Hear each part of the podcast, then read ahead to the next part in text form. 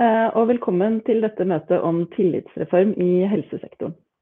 Mitt navn er Hilde Nagel, jeg er rådgiver i Tankesmien Agenda. Hverdagen for mange helsearbeidere er tidspress, detaljert rapportering, manglende medvirkning og opplevelsen av å ikke bli tatt med og lytte til som fagperson. Er det behov for en tillitsreform i helsesektoren, og hvordan bør den i så fall se ut? Det er det vi skal snakke om i dag. Og med meg til å gjøre det, så har jeg fått uh, to uh, med veldig ulik, men lang erfaring uh, når det gjelder dette. Det er Eskil Husvedt, tillitsvalgt for Fagforbundet og sykepleier ved kreftavdelingen ved Haukeland. Velkommen. Hei. Og så er det også med en gang tar vi inn Lars Erik Fektus, du er professor ved Institutt for sosiologi og samfunnsgeografi ved Universitetet i Oslo. Har forsket mye og lenge på eh, ledelse i helsesektoren. Velkommen, Lars Erik.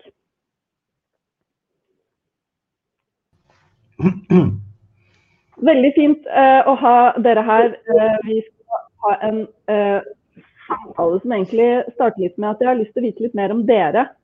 Eskil, begynn med deg.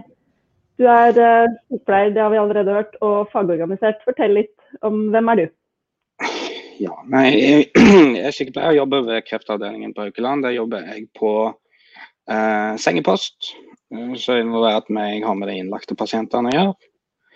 Um, der er jeg òg tillitsvalgt for Fagforbundet på uh, avdeling for kreftbehandling og medisinsk fysikk. Og ellers, så, så, så dette her, her treffer jo meg utrolig. Det treffer meg midt i blinken, egentlig, dette temaet. Mm. Og da har jeg lyst til å liksom få en katta ut av sekken med en gang. Trenger vi en tillitsreform i helsesektoren, Eskil?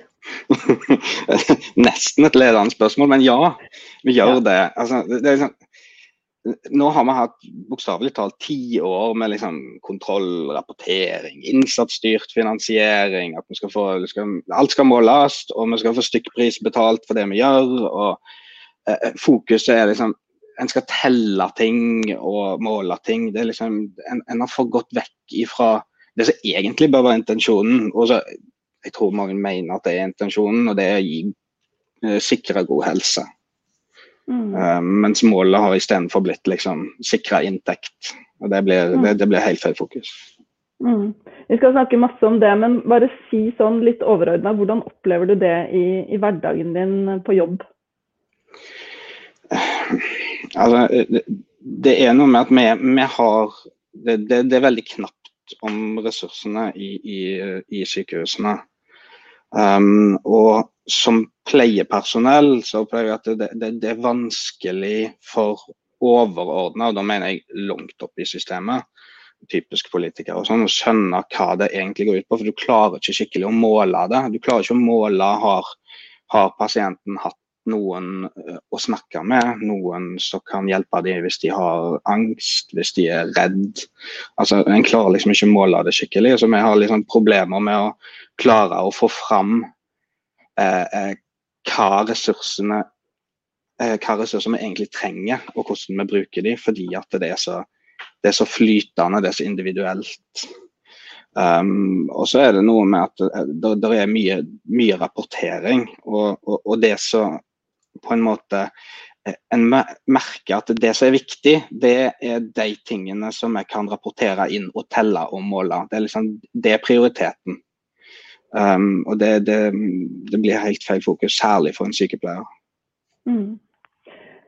Ja, eh, jeg hadde jo selv eh, første jobben min i Sosiale helsedepartementet, som det het den gangen, på 90-tallet. Og man gjennomførte store reformer. Man organiserte helse rundt helseforetak, og man innførte innsatsstyrt finansiering og stikkpris og en del ting vi skal komme tilbake til. Og dette er noe du, Lars Erik Kjekshus, har uh, fulgt uh, ganske tett, for du har jobbet med forskning på styring og ledelse i helsesektoren egentlig siden de reformene kom.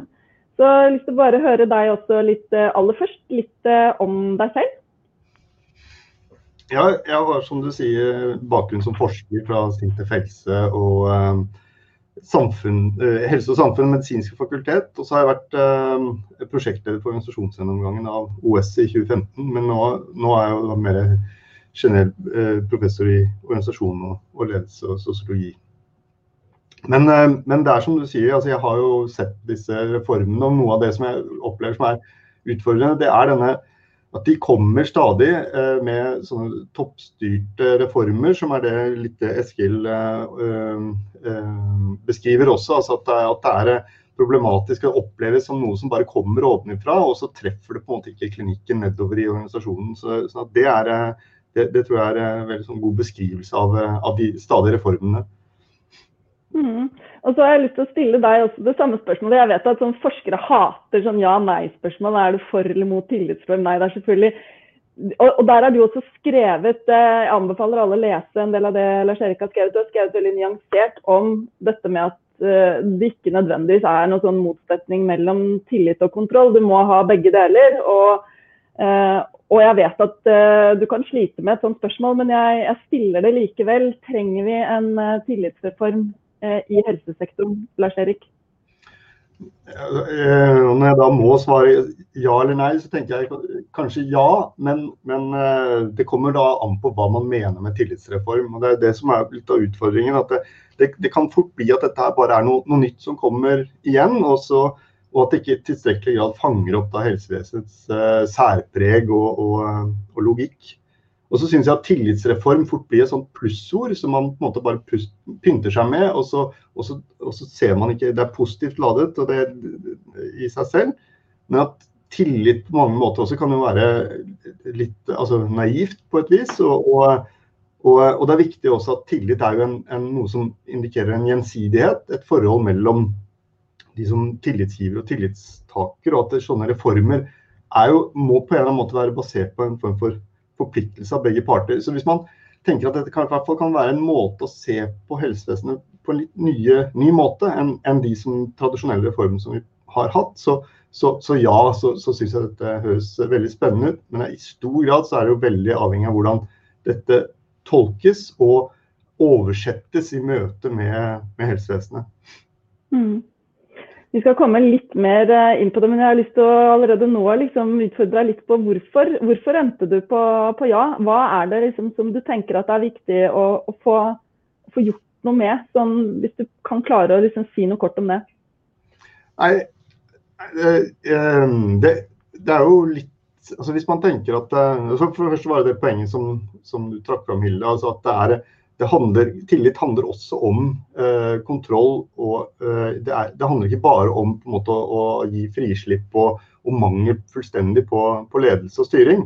Sånn at det, eh, En tillitsreform må innebære at det er en ny måte å styre på, hvor man gir en stor grad av autonomi til de som skal bli styrt, eller de som skal utføre det. Og Når det gjelder særlig helsevesenet, så er det en, et, en, et, område hvor vi har høykompetente fag, fagarbeidere som i større grad må være medvirkende i, i, eh, i, i eh, virksomheten.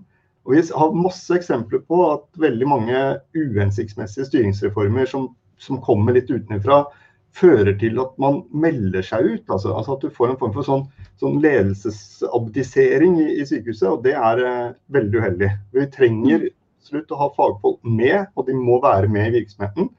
Men de må være engasjert på en sånn måte at man ser at det, det handler ikke bare om at nå skal vi slippe enhver form for styring, organisering og ledelse. Men, men, vi må være involvert på en måte som, som, eh, som treffer oss alle. Da. Og Det tenker jeg er utfordrende i forhold til det å utforme hva en sånn type tillitsreform skal innebære. Mm. Uh, ja. ja. nei, men uh, Flott. Da føler jeg vi har, har satt liksom, uh, temaene og kommet opp allerede med, med, med noen forsøksvise svar. Vi skal begynne å dykke litt ned nå. Og jeg har lyst til å da uh, snakke litt med deg, Eskil. fordi at uh, det jeg så uh, da jeg googlet deg og begynte å sjekke litt hva du hadde gjort, så har du faktisk også laget en app. og Den heter pleier.no og skal gjøre hverdagen enklere å finne vet ikke, hvordan medisiner brukes og viktig informasjon for, for dere som jobber som sykepleiere og, og helsearbeidere. Så du er jo ikke noe sånn IKT-motstandere i det hele tatt. Snarere tvert imot. Du har både kunnskap og kjennskap og ser hvordan eh, digitalisering kan bidra eh, veldig godt eh, inn i hverdagen, arbeidshverdagen.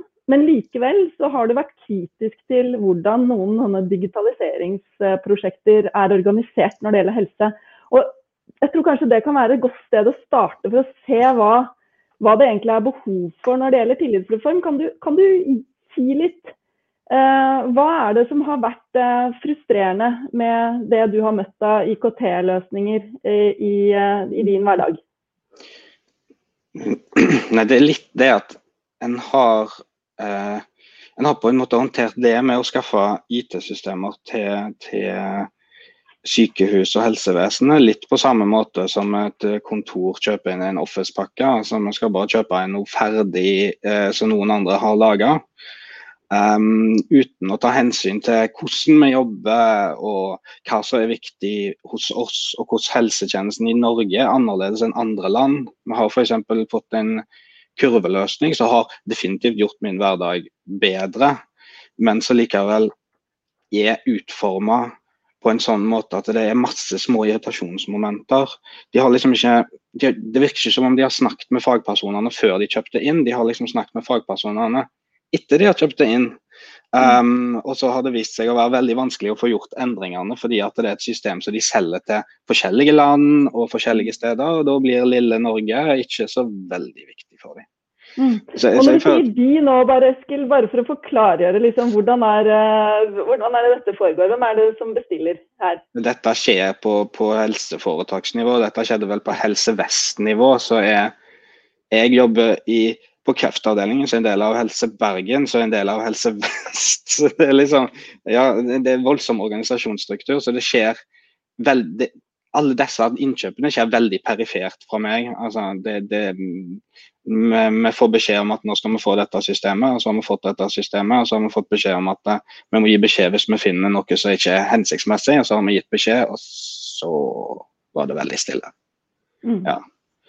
Så, så en, en, har en opplevelse av at en, en, en, blir på en måte De har gjort et forsøk på å lytte til oss, men de har ikke lyktes med å lytte til oss, for å si det sånn.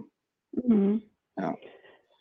Lars Erik, eh, du har også sett på i forskningen din en del av disse digitaliseringsprosjektene innenfor helse. Eh, kjenner du deg igjen i det bildet som Eskil tegner her? Eventuelt, hva, hva er dine funn? Hva har, dere, eh, hva, hva har, du sett på?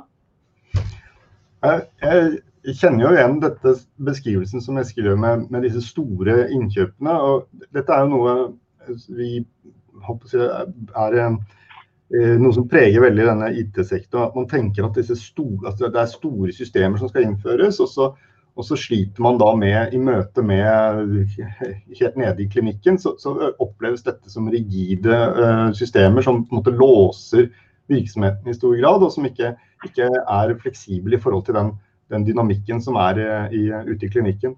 Så, så, en kjempeutfordring det er å kunne klare å få systemer som ivaretar på en måte Eh, de, disse, altså de store, store databehovene, men som er, har en fleksibilitet i møte med, med ute i klinikken, som, som, kan ta inn og, og, og, tenke litt mer fleksibelt og innovativt i, i møte med det.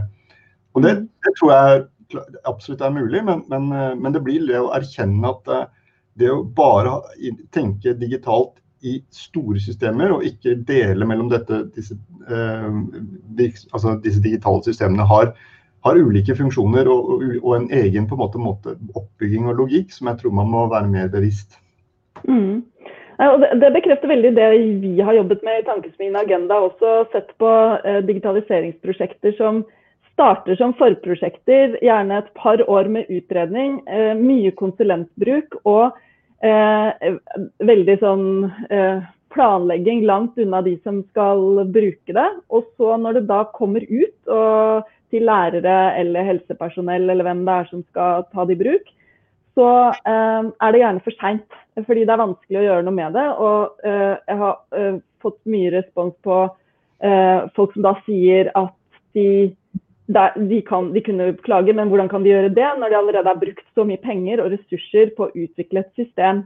Mm. Så jeg tror det vi nå alle snakker om her, er eh, en form for sånn nivå at beslutninger fattes ikke nært eh, der hvor de skal, som skal bruke systemene er. Så la oss da holde fast på det som en bit av det som må inn i en tillitsreform når vi nå skal, skal diskutere videre.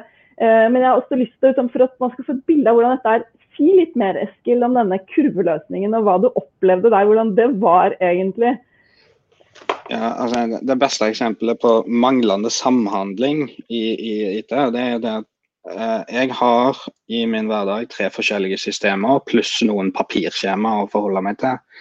Eh, det eksempelet jeg pleier å kjøre, er, er noe så banalt som hvor mye en, en, pasient veier. Altså, hvor mye veier du? Det må vi ha for oss å kunne dosere medisiner, vi må ha det for å kunne overvåke ernæringsstatus, gå ned i vekt, opp i vekt. Um, jeg, har liksom, jeg, har kommet ut av tellingen på hvor mange steder vi fører vekt. Vi fører det, vi fører det i løpende journal. Det er bare tekstdokumenter som ligger nedover.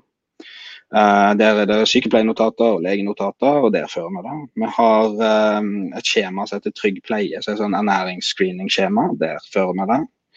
Uh, I kurveløsningen der er det et uh, du kan sette Nå forsvant lyden din, Eskil. Jeg hører deg ikke. Um, da har, Eskil, du, går det greit nå, eller skal vi la Lars Erik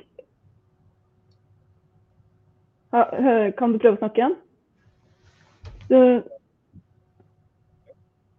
Jeg hører deg veldig svakt. Veldig svakt.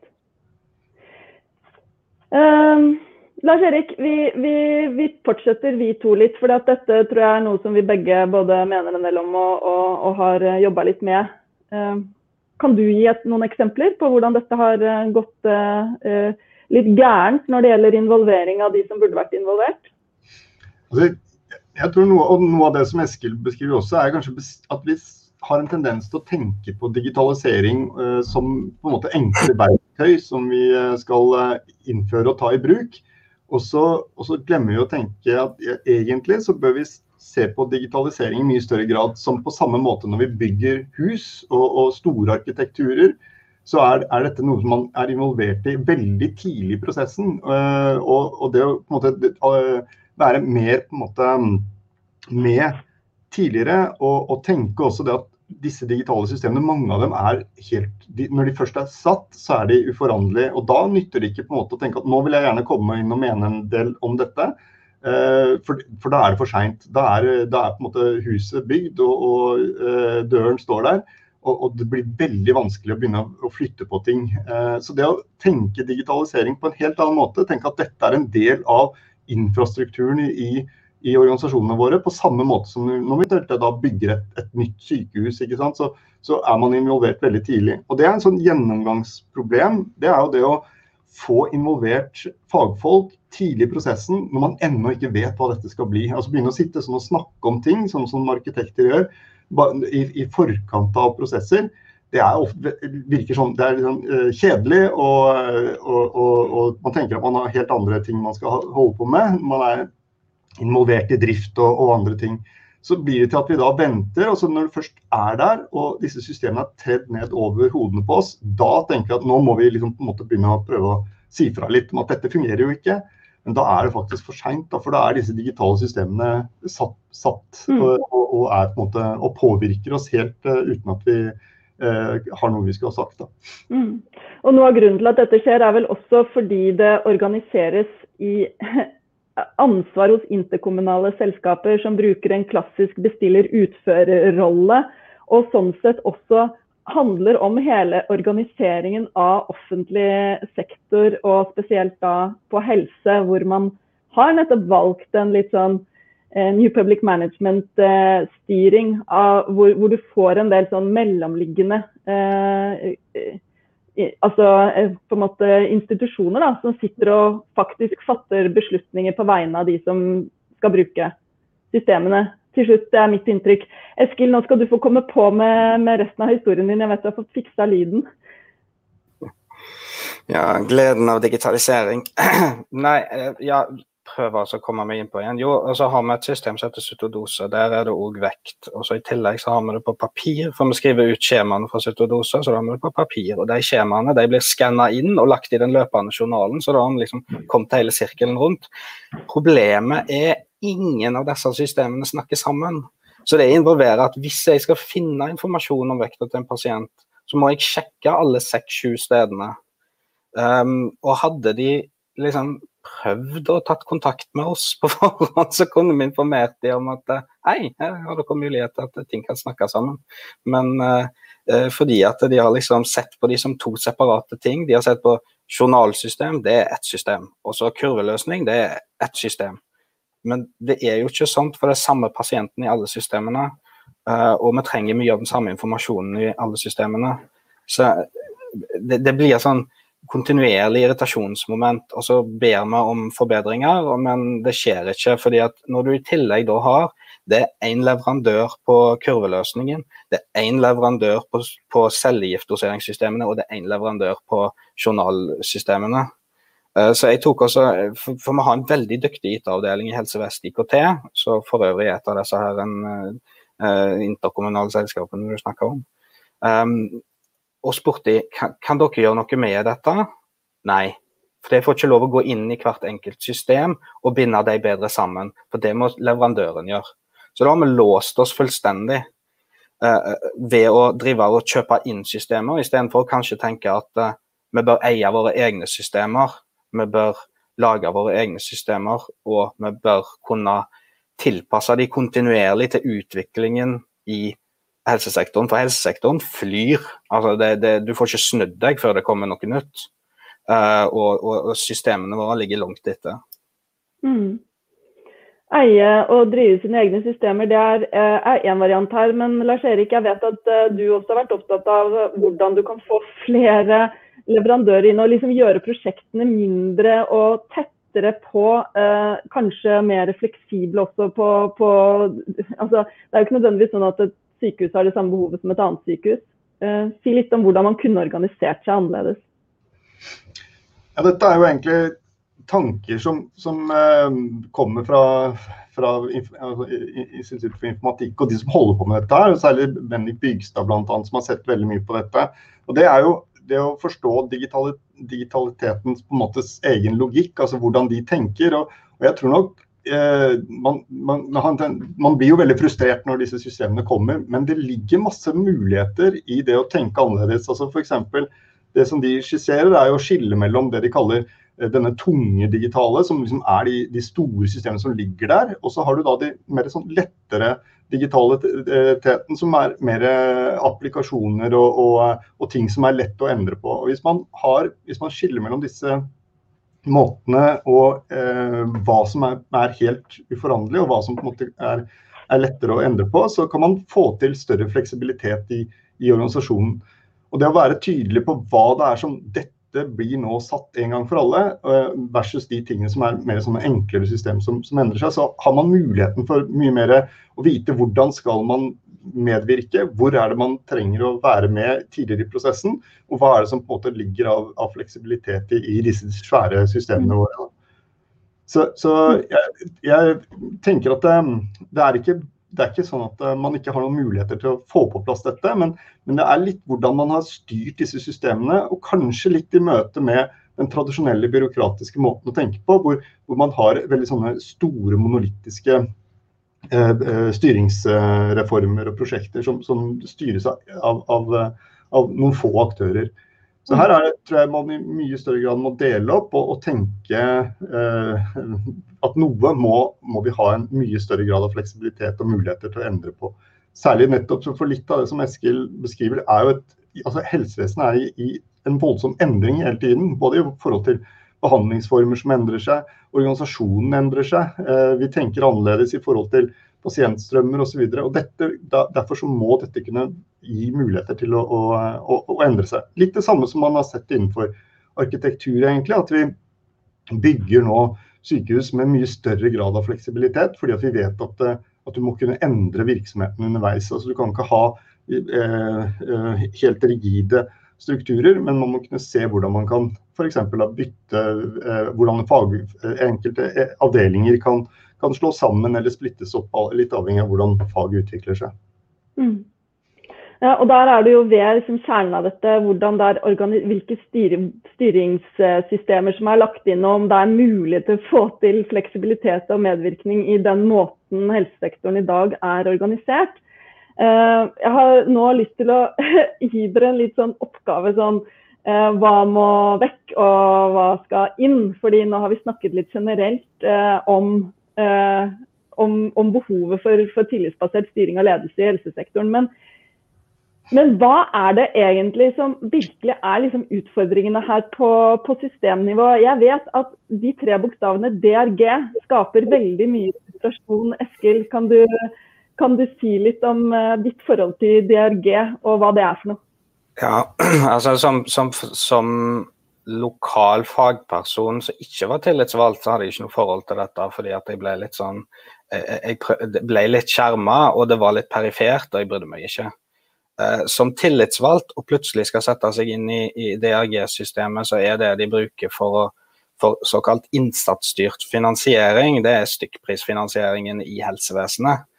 Eh, og prøver å sette seg inn i dette, um, hvor um, diagnoser og uh, grupper altså, Diagnoser og uh, intervensjoner, prosedyrer, alt mulig sånn, skal legges inn i et system og få en tenkt stykkpris. Så hvis vi gjør så og så mye av det, så får vi så og så mye penger. Men vi får heller ikke penger direkte, fordi at DRG blir, blir konvertert til DRG-poeng. Det høres ut som et spill, det er så absurd. Men Eh, vi får DRG-poeng, og DRG-poengene har per i dag en enhetspris på 46 719 kroner. Så per DRG-poeng er verdt det, men så er det sånn at 50 av eh, inntekten til sykehus skal være eh, rammefinansiering. Så da må du dele den summen på to, og så får du den egentlige verdien per poeng. Og det er liksom det, det, har ingen det, det, er ikke i nærheten av sånn et sykehus egentlig fungerer, med at vi skal få betalt for alt vi gjør. fordi Hovedutgiften til et sykehus er personell. Um, og vi må ha samme personellet på jobb, uavhengig av hvor avanserte pasientene er. For plutselig så kommer det inn en som er veldig syk og veldig avansert.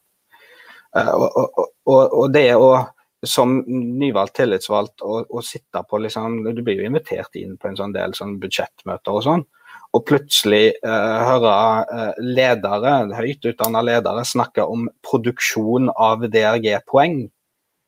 Uh, det, er liksom, det, det, det, er så langt ifra klinikken som du omtrent kan gå. Mm. Du kalte det den største mistilliten mot spesialisthelsetjenesten. Eh, vi er jo vant til å snakke om hva, hva, som skal til for å skape tillit, men her sier du altså at det er et system som er innført som er direkte liksom, mistillit. Kan du forklare litt hva du mener med det? Ja, altså det, det baserer seg på at eh, eh den innsatsen det legge i ordet innsatsstyrt finansiering, at vi, med, med innsatsen vår, den, den, den, er ikke god nok. Så de må prøve å styre den innsatsen vår og gi oss økonomiske insentiver eh, til å gjøre det som de da mener er rett. Mens det for, altså for jeg som fagperson, jeg ønsker ikke og kan ikke ta hensyn til økonomi i stor grad. Altså, er det to produkter som har like effekt, så helt greit. Men det er hva som er best for pasienten, ikke hva som vil gi oss best refusjon. Og det, det, det er noen sånne selvmotsigelser i hele systemet med at en, hvis en leser disse dokumentene, og jeg får vondt i hodet når jeg leser dem, for de er så kompliserte, men hvis en leser disse dokumentene som skal definere dette, eh, så står det der at eh, en skal ikke eh, bruke finansieringsløsningen til å prioritere mellom forskjellige behandlinger og sånn. Det skal være faglig. Men samtidig så sier en at eh, en legger pris på, eh, på, på, forskjellige behandlinger, sånn at eh, vi, eh, vi, vel, vi, skal eh, få bare de pengene som vi trenger, i hermetegn. Og, og, og absurditeten i dette er at vi må vi må drive og bruke masse tid på innrapportering for å få de pengene vi har. Altså, nesten hver eneste budsjettmøte jeg er på, så er det et punkt som heter kodeforbedring. Og kodeforbedring er da at en skal bli flinkere til å rapportere inn nøyaktig hva vi har gjort med pasienten, sånn at vi får mer penger. Vi gjør nøyaktig det samme. Altså, det, det, det, er ingen forskjell for pasienten, men vi skal bli flinkere til å gi beskjed om det, sånn at vi får inntekten fra staten. Um, på, min, på, på, på, kreftavdelingen så er det 100 stilling som bare sitter med dette. Og det er det, det, tar masse tid, spesielt for legene som har veldig lite tid fra før. Uh, og, det, og det fremstår meningsløst fordi at det har, det har ingen innvirkning for pasientutfall eller behandling eller sånt. Det er bare flytta penger fra et budsjett til et annet. Mm. Og det, det, det, Jeg blir så oppgitt. Mm. Mm. Så DRG-systemet kunne du godt uh, tenke deg å bytte ut. Men Lars Erik, ja, dette er jo innført, innført uh, uh, med gode hensikter. Og helsesektoren er jo en ekstremt komplisert uh, sektor å styre, og trenger antagelig en god del detaljert styring også. Hva tenker du om dette DRG-systemet, og eventuelt muligheten for å erstatte det med noe annet? Nei, jeg tenker at dette er, dette er, et veldig godt eksempel på en, eh, en av disse typer styringssystemene som blir innført i helsevesenet, som, som, har som du sier, gode intensjoner. og Det ble innført i, på, på 90-tallet, i 97, eh, hvor, hvor, hensikten var å gi en kompensasjon til de sykehusene som var ekstra eh, produktive. Fordi at man så at eh, sånn som da budsjettene var, var, var i, eh, før det, så, så, ble det på en måte bare gitt uansett om hvor mye man jobbet eller ikke, eller hvor mye man, mange pasienter man hadde eller ikke. Og så skulle dette være et sånt grovkornet kompensasjonssystem. Men økonomene var veldig tydelige på at dette måtte man være veldig forsiktig med å bruke liksom sånn, eh, nedover i hele systemet. Og mange økonomer advarte mot det. Men allikevel så blir det på en måte, i hvert fall i helsevesenet, tatt veldig sånn eh, um, imot. Og så uh, har man på en måte ingen motstandskraft nedover i organisasjonen hvor man ser at dette burde egentlig bare vært innført som et sånt overordnet fordelingssystem mellom sykehusene, og ikke gått ned til en enkelt avdeling. Man har det samme i annen, annen virksomhet. altså Vi har det samme på universitetet også. Der får, vi, får jo også universitetet betalt i forhold til antall studenter. men men man lar være å på en måte videreføre den, uh, den tenkningen helt ned til den enkelte foreleser. sånn at uh, Man sitter ikke der og tenker og teller liksom, antall studenter der og da, men man er på en måte bevisst at vi skal liksom, tenke hvordan vi kan nå ut til flest mulig. Det, det er uh, greit. Men sånn som man er blitt på sykehuset, hvor disse systemene Man tenker at ved å, ved å gjøre det enda mer detaljert, så skal man kompensere for en del av de svakhetene som er i systemet. Og Det tror jeg det vil du aldri få til, fordi at det er så mye som, også som Eskil beskriver, som ved sykehuset som gjøres som ikke kan telles. Og Derfor så bør man heller tenke at ja, man kan kanskje ha dette på et overordnet system når det gjelder fordeling av ressurser mellom, mellom de store foretakene, men ikke la det være et, sånt, et, et styringssystem og ledelsessystem som 100% videreføres nedover til den enkelte seksjon. Det tror jeg er veldig, veldig Og det, mm.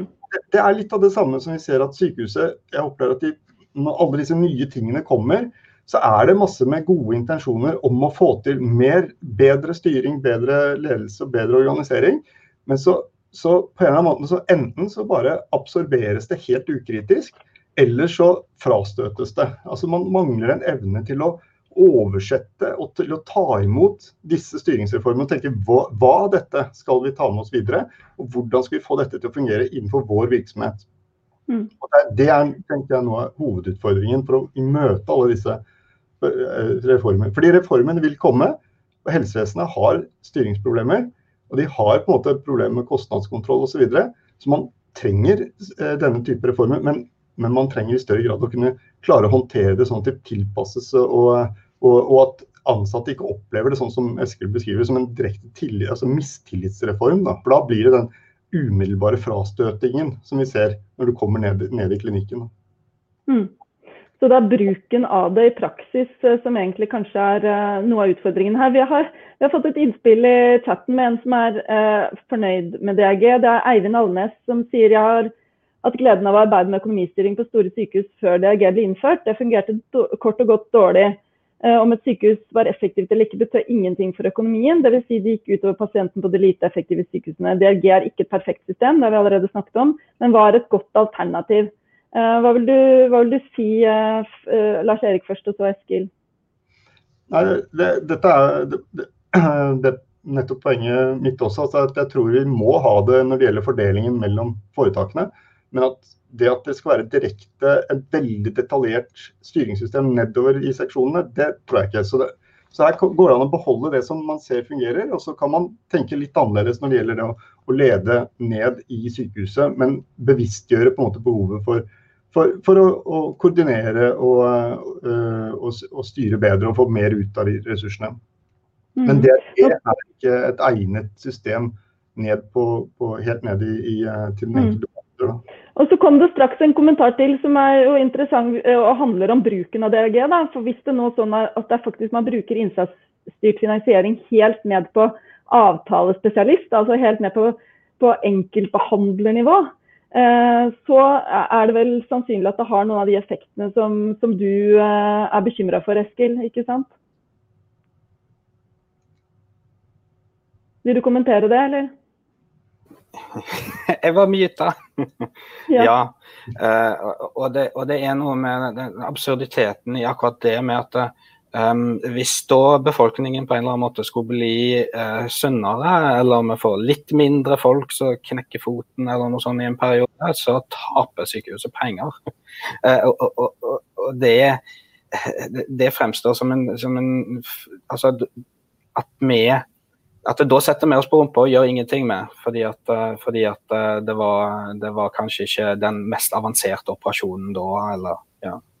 Men, men jeg synes Lars Erik hadde noen av de mest eh, et, et, veldig godt poeng med dette her med at eh, en, en, snakker om at det skal være et system for at vi skal bli ekstra produktive. Ja, men du klarer jo ikke å måle det. Du klarer mm. faktisk ikke å finne ut om jeg har sittet med en pasient og holdt den i hånda. Det går ikke. Og det tar tid. Altså, du kan måle eh, hvor mange eh, cellegiftkurer jeg har gitt. Det går an. Eh, og jeg kan sikkert gi jæklig mange cellegiftkurer i løpet av en dag. Men eh, de får ikke særlig god behandling, de får ikke særlig god omsorg, og du klarer ikke å måle det. Og du klarer ikke å tallfeste det. Men det er òg en mm. utgift. Mm. Uh, litt tilbake til dette med organisering også. Vi har allerede vært inne på det. Det at det kan være noen andre enn dere som skal bruke utstyret som bestiller det, f.eks. Og at det kan bli feil rett og slett fordi det er mange nivåer her. Eh, jeg snakket med deg Eskil, i forkant, og, du sa at de bestiller. og Jeg stilte hele tiden spørsmålet hvem er de? Og en gang jeg stilte det spørsmålet, så sa du at det var forvaltningsenheten som bestilte. Eh, hvem er det, og hvordan er dette, altså, hvordan er dette hierarkiet av hva skal vi si, eh, over deg, som da f.eks. bestiller en sprøyte? Du hadde det eksempelet, og ta gjerne det. Ja, altså eh, eh, vi har jo et eget foretak. Selvfølgelig har vi et eget foretak. Så, så eh, driver vi innkjøp til sykehusene, som heter Sykehusinnkjøp. Um, vi fikk uh, plutselig en levering av noen helt nye sprøyter her i fjor høst. Uh, normalt sett så ser jeg ikke problemet med det. Ei 10 ml sprøyte burde være ei 10 ml sprøyte. Men det viste seg da at de som kjøpte inn, hadde faktisk ikke sjekka om disse sprøytene fungerte til sprøytepumpene våre. Så de fungerte faktisk ikke til sprøytepumpene våre, som vi bruker til å levere eh, eh kontinuerlig smertelindring, kontinuerlig kvalmebehandling. Eh, så vi sto der plutselig med en haug med sprøyter som vi ikke kunne bruke, fordi at noen hadde funnet ut at det var billigere og bestilte inn disse. Eh, det ble løst etter sånn fire-fem måneder, men i løpet av de månedene så måtte vi vi, sprang rundt på avdelingen og samla inn alt vi kunne av de gamle sprøytene og la de ett sted og bare liksom eh, øremerka de til sprøytepumper. Eh, og her virker det som eh, noen bare har sett OK, sprøyta, pris X, gammel pris Y, ja, mye billigere, så kjøper vi inn det. Det virker jo ikke som om de har snakka med noen i det hele tatt innenfor eh, eh, fagområdet. Så det, det, mm. det, fremstår bare så absurd, hele greia. Mm. Var noe av utfordringen her også at uh, du jobber på en kreftavdeling, og at dette kanskje ikke helt uh, sorterte under det som dreide seg om kreftavdelingens område? eller var det, Så det var det silotankegangen, eller var det, var det det at det var uh, et, en, en, noen som var helt utenfor selve helse, altså selve sykehuset som bestilte, eller hva, hvor ligger feilen hen, tenker du? jeg har prøvd å finne ut hvem det var som satt i denne gruppa som bestilte det. Med å spørre ledere og spørre folk som, som normalt sett er involvert i sånne prosesser. De har ikke helt klart å svare meg, så ingen vet helt hvem det er som har tatt denne avgjørelsen. Men den har kommet ovenifra, fra en eller annen avdeling. Mm. Um, og de har kanskje tenkt at ei sprøyte er ei sprøyte. Uh, og logisk sett så burde det jo være det, men det viste seg jo å være fullstendig feil. Hadde de spurt oss, eller hadde de spurt medisinsk-teknisk avdeling, som har ansvaret for liksom disse pumpene, så hadde de fått et annet svar. Men sånn som det var, så fant vi ikke ut av dette før de plutselig var levert til oss. Mm. Og da sto vi der, da. Mm. Men når det gjelder dette med hadde de spurt oss, hvordan involveres du? Og da tenker jeg både som tillitsvalgt og som, som sykepleier. Altså, jeg, jeg, har inntrykk av at mine umiddelbare ledere prøver å involvere meg så godt de kan. Problemet er vel at de er heller ikke involvert i det aller meste. Det skjer på mm. veldig mange ting, og veldig mange innkjøp skjer på veldig overordna nivå. Um, og da er det kanskje noen ledere som ikke jobber ute i klinikken, som er involvert i disse prosessene. Uh, så, så, Ja, det, jeg, jeg, jeg, skjønner ikke helt Jeg skjønner at intensjonen er der om at uh, folk skal bli involvert, men de, de klarer det ikke. Mm. Lars Erik, eh, er dette et sånt bilde du kjenner deg igjen i eller har noen kommentar til? Hvordan innkjøp er organisert på sykehus rundt omkring? Jeg, altså jeg, tror Dette er jo noe av utfordringen med hele altså hvordan sykehuset er organisert. i det at det er en veldig stor tendens til at man begynner å peke oppover. altså At man sier at eh, ja, det, noen der oppe har tatt noen, noen beslutninger som ikke vi skjønner osv. Og så, og så synes man også at man forstår ikke medvirkning eller involveringsprosessene i, i, virksomheten. Jeg tror at veldig mye av dette eh, skyldes at man legger koordinerings ansvaret ganske høyt opp i organisasjonen. Og så tenker man litt det at det, dette må være på et veldig overordnet nivå, fordi at vi er en virksomhet som er, er stor og, og, og, komplekst. Og så tenk, glemmer man at egentlig så bør koordinering, og i hvert fall det som, så, så, langt som mulig, så skal alt koordineringsansvaret så langt ned som mulig i organisasjonen. Altså sånn at det, du får effektive avdelinger og seksjoner som, som har på en måte dette tilstrekkelig kontroll og mulighet til å, til å gjøre disse eh, koordineringsutfordringene. Eh, etter hvert som vi får veldig svære organisasjoner, som, som disse foretakene er, så, så, glemmer man på en måte å endre på koordineringsnivået. Sånn at man lar koordineringsnivået fortsatt ligge på et veldig sånn overordnet nivå. Og, så, og, det ville man aldri gjort i tilsvarende store organisasjoner i andre virksomheter. Da ville man tenkt annerledes, og så ville man gjort noe med både altså, type fullmaktsstrukturer og koordineringsutfordringene, og passet på at du fikk uh, muligheter til å gjøre disse tingene nedover. Det ble en, veldig sånn fort en sånn ansvarsfraskrivelse, hvor man hele tiden sier at vi klarer ikke dette, dette er ikke vårt ansvar. Og så er man på en måte fornøyd, sånn som Eskil sier, med sin nærmeste leder, fordi at uh, man ser jo at den lederen har jo liksom ikke så veldig mye muligheter. Men, men, det er der problemet ligger. altså at Vi må på en eller annen måte få til en, en virksomhet hvor koordineringsnivået treffer, eller koordineringsansvaret og mulighetene treffer lenger ned. Eh, og der ligger litt av utfordringen som det som du pekte på, Hilde. Disse, du kalte det disse silotenkningene. Og, og det er noe av, av, av, kjerneproblematikken, tror jeg. Altså at, at, vi har organisert det i sånne siloer som sliter med å tenke eh, organisering eh, på tvers. Eh, og, og, noe av dette som, som skal beskriver med innkjøpsordninger, er egentlig bare et symptom på, på dette. Eh, på, på, et vis. Altså at eh, mm. vi får ikke til effektive enheter lenger ned i organisasjonen som er operative, som, som kan klare å koordinere eh, innenfor den, det, det, ansvarsområdet som de har. Da. Mm. Nå er, altså, sånn som Kreftområdet er jo et kjempesvært fagfelt som berører masse, mange enheter. Og så, så øh, er det da et problem hvem det er som egentlig i realiteten står som, som øverste ansvarlig. Men jeg, jeg, tror ikke løsningen er ikke å, å, å sende koordineringsoppgavene oppover i organisasjonen. Uh, man må gjøre, tenke motsatt, tenker jeg. Mm, mm. Og Det betyr jo egentlig ganske stor endring fra det som er i dag. Uh, det, er, det, er, interessant å skrive seg bak øret til uh, hva skal inn. For da må man jo tenke en annen måte å koordinere dette tettere og lenger, nærmere de som, eh, de som faktisk jobber med dette til daglig. Jeg har fått en, et spørsmål til i chatten som går på Goals Gone Wild, som, som den Beate Midthun skriver. Om mål som det at, å drukne i systemiske prosesser som stjeler tid fra alle roller og nivåer, og det oppleves som et stort problem. Du Lars Erik, har en, en, overskrift, jeg vet ikke om det var din egen valgte overskrift, men på en artikkel som ideen 'Tillit er å avstå fra å telle'. Den var såpass herlig spissformulert at jeg hadde lyst til å utfordre deg på den.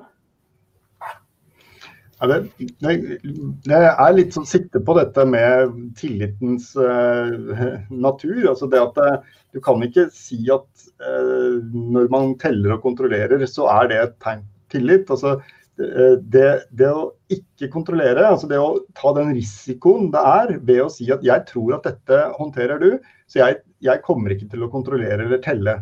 Det, er, det ligger litt i, i tillitens natur. Men, men, samtidig så er det problematisk fordi at det betyr jo ikke at man da skal ha tillit i alle, i, i alle situasjoner. Sånn at, så én ting er å erkjenne det, at tillit er å avstå fra å telle, og at på en eller annen måte så må vi det. Altså det, du skal ikke telle helt ned til den minste detalj. Eh, det tror jeg er viktig. og Det er vel noe av det jeg håper at en sånn type tillitsreform skal bringe, bringe med seg. Men samtidig så er det det å ikke gå i den andre, eh, andre grøfta, da, hvor, hvor, man tenker at eh, å, å, ha tillit i alle situasjoner, det, det er, kan være naivt og, og ikke hensiktsmessig. Mm. Så, så, og og man vil heller ikke ha tillit til et system som ikke fører en viss form for kontroll og, og oversikt. Det ønsker man jo samtidig også. så Derfor så, så er det en sånn balanse. da. Det er det som egentlig er eh, Men, men i den tittelen, det var jo nettopp for å provosere litt. altså si at du, du kan ikke si at, uh, at uh, for, det, for, det, blir litt sånn om, om å, å, si at ah, det at vi teller og kontrollerer, det, det, er, det, gjør vi ikke det gjør vi av tillitsforhold. Det, det, mener jeg er en sånn feil bruk av begrepet. Mm. Så, ja. Mm. Eh, la oss nå, når vi har snakket en god del nå om hva som eh, må vekk, eh, detaljstyrt telling og type DRG ned på behandlernivå eh, har vi notert oss. Vi har notert oss noen endringer i struktur som gjør at det blir at beslutninger fattes lenger ned, og ikke hele tiden koordinering skjer i sentrale enheter lenger opp. Men det har også vært et veldig stort, stor diskusjon rundt denne helseforetaksmodellen, og det er en egen diskusjon, altså. Men er det noe er, er det en del av problemene som ligger i den, sånn at det rett og slett ikke blir løst før du organiserer helse på en annen måte enn som foretak. Og jeg har lyst til å bare kaste det ut. Jeg vet at vi ikke får snakket nok om det, men Eskil først. Ja, til dels. Fordi at altså, altså, en prøver å, å late som om, om, helsedrift er nøyaktig det samme som drift av et uh, kommersielt selskap. og en får en har fått en veldig stort innslag av sånn bestiller-utfører-opplegg med at uh, Ehm, F.eks. når jeg bestiller en portør til å transportere en pasient, så fakturerer portørtjenesten kreftavdelingen for den transporten. Og de er egne enheter, og vi bestiller tjenester fra de enhetene istedenfor å tenke at uh, vi er begge to en del av det samme, så vi må snakke sammen og finne den beste løsningen på ting. Så blir det sånn vi kjøper tjenester, og, det, og, og en har klart å liksom distansere seg veldig fra det. Eh, det samme gjelder f.eks.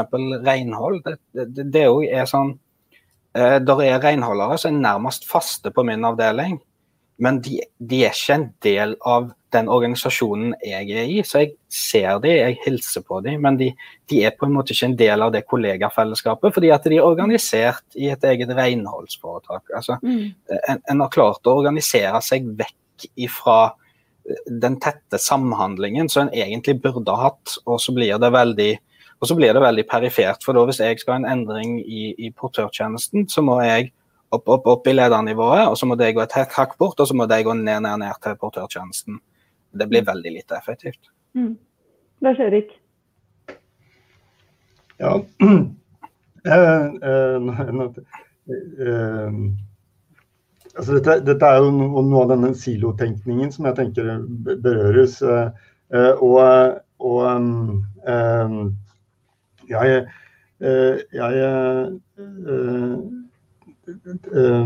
Ja. Så, så, det å erkjenne på en måte at man har en del av disse utfordringene som går på den med, med den fagorganiseringen altså, som, Det en, er jo en, en kjempesuksess å organisere etter fag.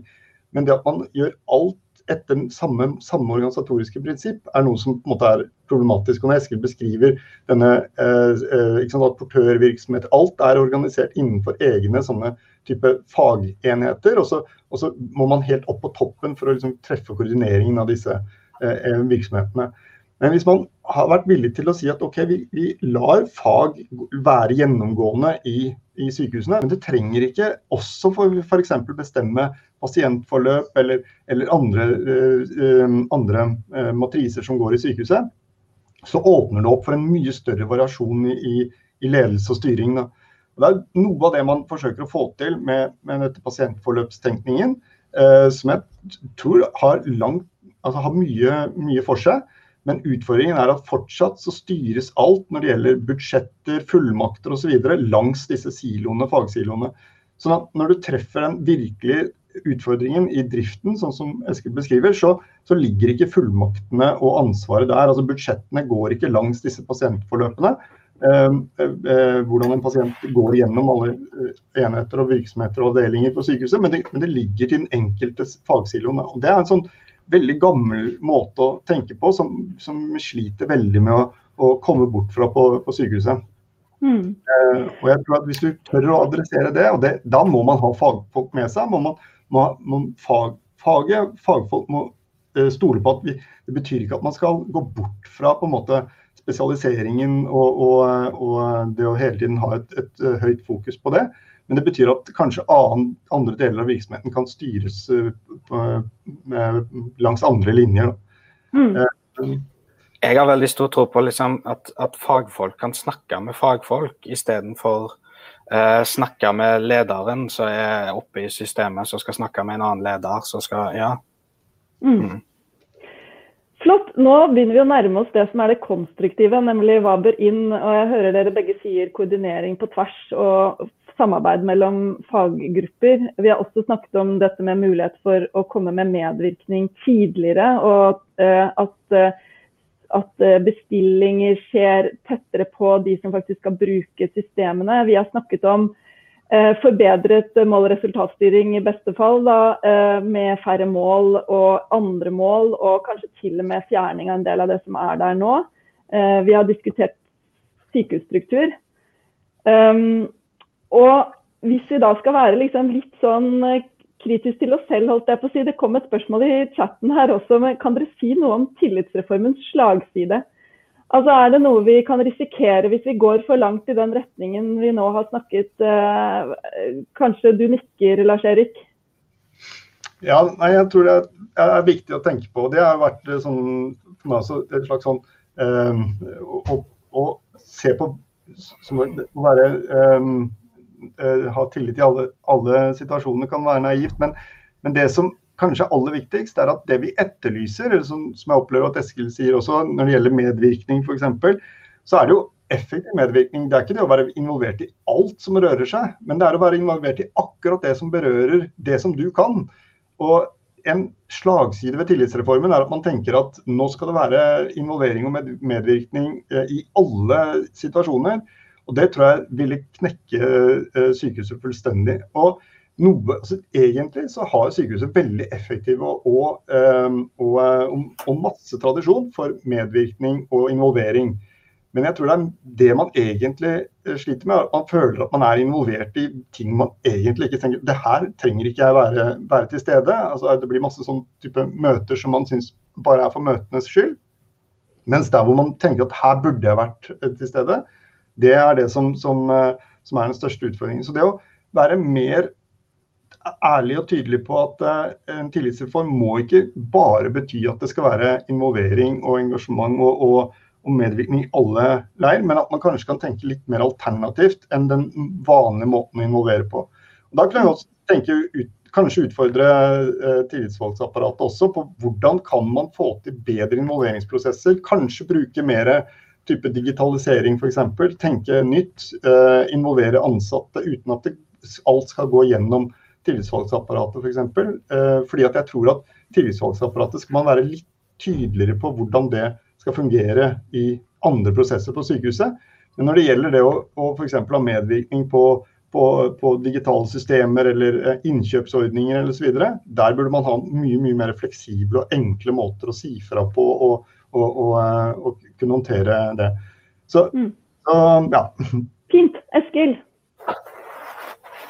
Ja, han sa egentlig veldig mye av det som jeg eh, tenker om akkurat dette. Jeg, jeg tror at eh, vi er kommet på vi, vi, må ha noe vi må ha noe kontroll. Vi må ha noe særlig når det gjelder økonomi. fordi at altså, eh, Jeg som fagperson jeg vil veldig gjerne gjøre absolutt alt som aller, aller best for min pasient.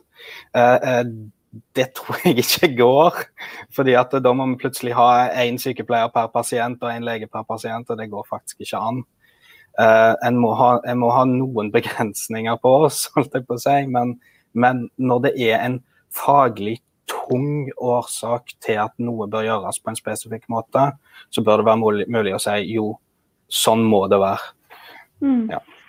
Du, du, nevnte et eksempel for meg da vi snakket sist om det at du hadde fulgt en pasient lenge, og det var snakk om hvorvidt den skulle skrives ut eller ikke, og hvordan det skulle følges opp videre, og at det var en avgjørelse du i veldig liten grad kunne ta det er ja. en avgjørelse som er viktig at du skal kunne ha innflytelse over, kanskje? Ja, altså sånn som det er lagt opp systemet nå, så er det jo altså Når du skrives ut av et sykehus, så overflyttes du gjerne til kommune, kommunehelsetjenesten. Og eh, kommunehelsetjenesten vil gjerne styre ting sjøl. Det er der den, den store forvaltningsenheten kommer inn. Så jeg sender en beskrivelse av pasienten til kommunen. Eh, og så skal kommunen ta den avgjørelsen om hva tjenester denne pasienten skal ha. Um, jeg har da kanskje fulgt denne pasienten i en måned, to måneder innlagt. Uh, og så skal et menneske basert på noe tekst jeg har skrevet, uh, som aldri har møtt pasienten, aldri har sett pasienten, selvstendig ta en avgjørelse om hva tjenester trenger denne pasienten. Og jeg får beskjed, tydelig beskjed om at jeg skal ikke skrive denne pasienten trenger sykehjemsopphold. For det skal kommunen bestemme sjøl.